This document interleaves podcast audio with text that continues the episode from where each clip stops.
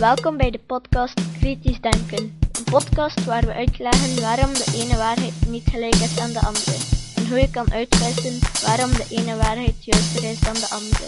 Waar we uitleggen waarom het belangrijk is om alles kritisch te bekijken, ook deze podcast. Goeiedag, het is vandaag zondag 6 juni 2010. Ik ben Jozef van Giel en dit is de 57ste aflevering van deze podcast. Vandaag lees ik een stuk voor uit het boek De Geestel van Darwin van Mathieu Snijkers. Ik heb deze tekst van de auteur zelf gekregen en ik mocht het publiceren. Hopelijk zet het je aan om het boek te kopen en te lezen. Het lijkt me de moeite waard. Ik heb het zelf nog niet gelezen, maar het staat bovenaan in mijn verlanglijstje. De klimaatwijziging is maar een waarschuwing. De klimaatwijziging krijgt veel aandacht. Dat is niet meer dan normaal, want er gaat een grote potentiële dreiging van uit. Maar de voorgestelde maatregelen zijn onvoldoende om te komen tot echte duurzaamheid. Daarvoor moet het psychologisch mechanisme dat aan de basis ligt van het probleem waarmee onze aarde af te rekenen heeft worden aangepakt. Het is een combinatie van een uit de hand gelopen statuszucht en bezitsdrang, van de nabootsing van leiders die ons in feite het verkeerde voorbeeld voorspiegelen en omgevingsomstandigheden zoals de standensamenleving en bevolkingsdruk die de strijd aanwakkeren om de middelen van onze planeet versneld op te soeperen. Voor de oorzaak van de moeilijkheden waarmee we nu op aarde te kampen hebben, moeten we ongeveer 10.000 jaar teruggaan, tot de Neolithische revolutie. Toen heeft een nomadenbestaan in egalitaire samenlevingen geleidelijk aan plaats moeten maken voor een sedentair bestaan in een standensamenleving.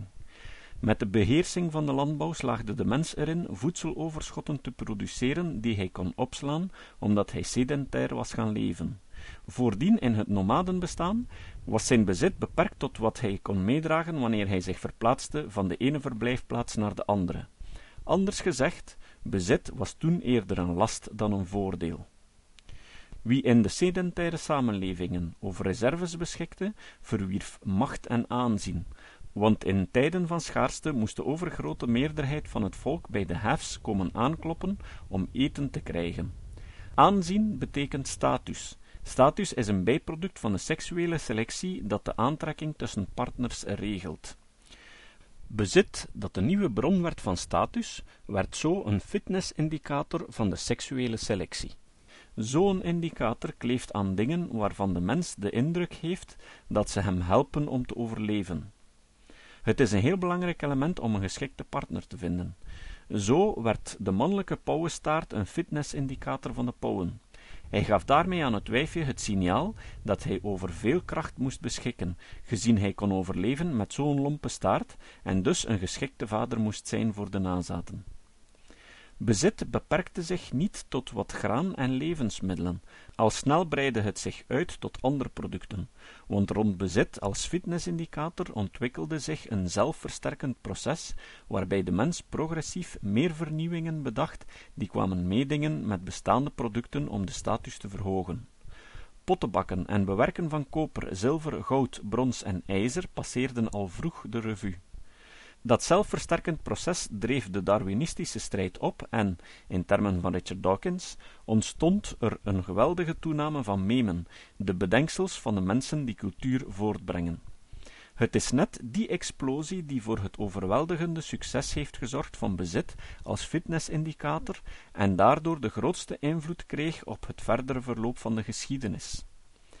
Bezit leidde tot een standenverschil en zo tot de standensamenleving, een samenleving waarin de leiders bezit en macht monopoliseerden en het volk gebruikten om hun eigen doelstellingen te realiseren. Dat heeft geleid tot een aarde die bezaaid is met relieken van de ziekelijke statusdrang van leiders, die de symbolen zijn geworden van wat we beschaving hebben genoemd. De standensamenleving was een ideaal kader voor statuszucht, want ze kreeg een structuur ingebouwd met een laddersysteem waarlangs men kon opklimmen naar een hogere status. Zo werd de standensamenleving de ideale omgeving voor een statusgedomineerde samenleving. Ze is zo stabiel gebleven dat ze sinds haar ontstaan de dominante soort samenleving is geworden. Alle pogingen om ze omver te werpen mislukten. Wie dat wilde doen, verdreef enkel de leiders van hun machtsposities, maar vernietigde niet de bestaande structuur. De posities werden gewoon ingenomen door andere personen met behoud van de bestaande structuur. Het belang dat bezit verwierf kreeg nog bijkomende hulp van een aantal instrumenten die bezit nog meer concentreerden. De krijgsmacht werd verder uitgebouwd om het bezit van andere regio's te bemachtigen en om het bezit van de leiders te beschermen, zowel tegen de gretige handen uit andere staten als tegen die van het eigen volk. Gedurende duizenden jaren was de krijgsmacht het belangrijkste instrument om rijkdom te vergaren. Gedurende duizenden jaren bleven bezit en status daardoor het voorrecht van de leiders. We moeten wachten tot de industriële revolutie en het democratiseringsproces, alvorens ook het gewone volk geleidelijk aan toegang kreeg tot bezit en status. De roep naar gelijkheid van de verlichting, die even voordien vooruitgang boekte, stimuleerde die ontwikkeling. Het fundamentele proces van mimesis, waarbij de personen op een lagere rang hun leiders probeerden na te bootsen, kon zich realiseren. Het gewone volk kon dankzij die nieuwe ontwikkelingen eigenlijk een beetje de gelijke worden van de leiders.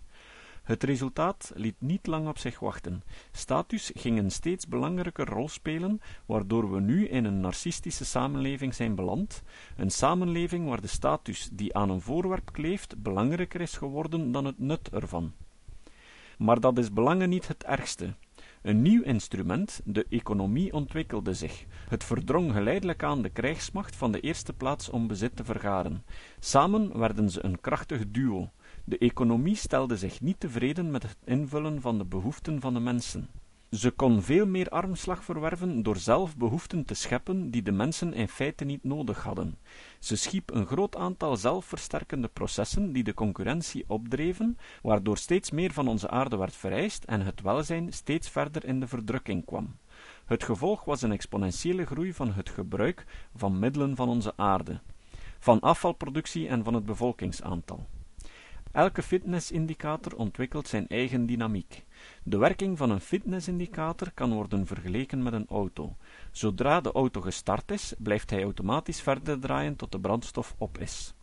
Zo zal ook de fitnessindicator actief blijven tot de omgeving hem niet langer de nodige middelen kan leveren. De pauwenstaart bleef groeien tot hij een te grote handicap werd en het een te gemakkelijke prooi werd voor roofdieren. Bezit is al heel lang een belangrijke fitnessindicator gebleven.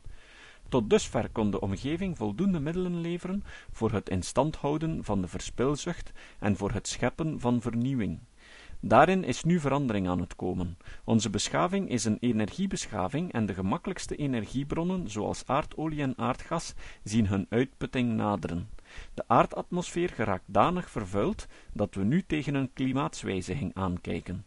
Dat zijn duidelijke signalen dat we te veel vergen van onze omgeving. Het proces rond bezit als fitnessindicator komt daardoor onder druk te staan. De reserves geraken uitgeput, maar het aantal personen dat aanspraak maakt op die reserves groeit nog steeds aan, wat de strijd voor wat er nog rest automatisch opvoert.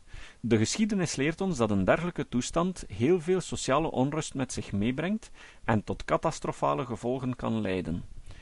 Zo gezien is de klimaatswijziging een waarschuwingssignaal en we doen er best aan het ernstig te nemen. In de lijn met de vooruitgangsgedachten menen de meeste van de huidige leiders echter dat het voldoende is nieuwe technologieën te ontwikkelen om uit de problemen te geraken. Dat is een erg kortzichtig denken, waarmee we enkel wat ruimte scheppen tot de volgende crisis. Om gepast te reageren moeten we ons eerst ervan bewust worden dat een verborgen motivator ons gedrag stuurt naar een gulzigheid die ons nu fataal dreigt te worden. Het is een motivator die geworteld ligt in de voornaamste drijfveer van ons gedrag, namelijk het voortplantingsproces. Niet verwonderlijk dat hij zo krachtig is, maar hij werd verdoken en daarom ontsnapt hij aan onze aandacht. Het is haast niet te vatten dat iets zo banaal als een koppeling van status aan bezit en de nabootsing van de leiders tot de problemen kan leiden waarmee we nu geconfronteerd worden. Het is ook onwaarschijnlijk dat we ons gedrag in feite maar door een nieuwe vooruitgangsgedachte gericht op duurzaamheid moeten laten leiden om tot een oplossing te komen, maar dat we daar niet in slagen. Het is ook onwaarschijnlijk dat we ons gedrag in feite maar door een nieuwe vooruitgangsgedachte gericht op duurzaamheid moeten laten leiden om tot een oplossing te komen, maar dat we daar niet in slagen. Het citaat.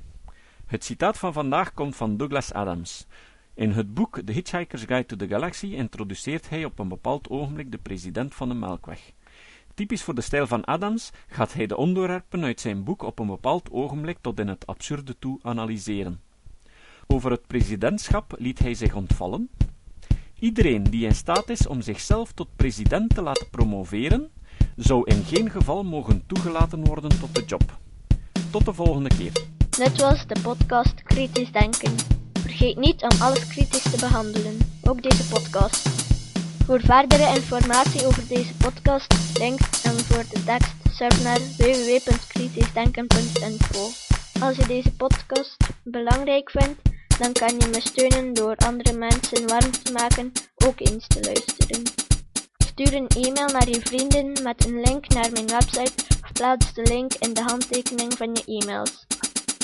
Kan me ook steunen door op iTunes deze podcast een goede beoordeling te geven of een recensie te schrijven. Of je kan op je eigen website of blog een link naar mijn website plaatsen. Hoe meer links, hoe sneller je gevonden wordt op Google. Dat kan beloond worden door een link naar jouw website bij mij.